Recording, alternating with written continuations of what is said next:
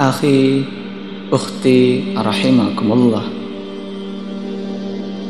Orang yang paling dicintai oleh Allah Subhanahu wa taala adalah orang yang paling bermanfaat buat orang lain. Begitulah pesan Rasulullah sallallahu alaihi wasallam. Berapa banyak manfaat yang telah engkau berikan kepada orang lain?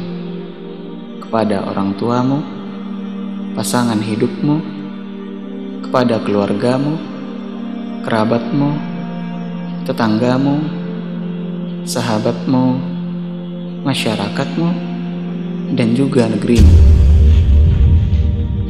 Saudaraku yang dirahmati oleh Allah Subhanahu wa Ta'ala, jangan dibalik pertanyaannya, apa yang telah diberikan orang lain kepadaku. Maka dari itu, ada yang berpesan, jadilah seperti butiran gula pasir.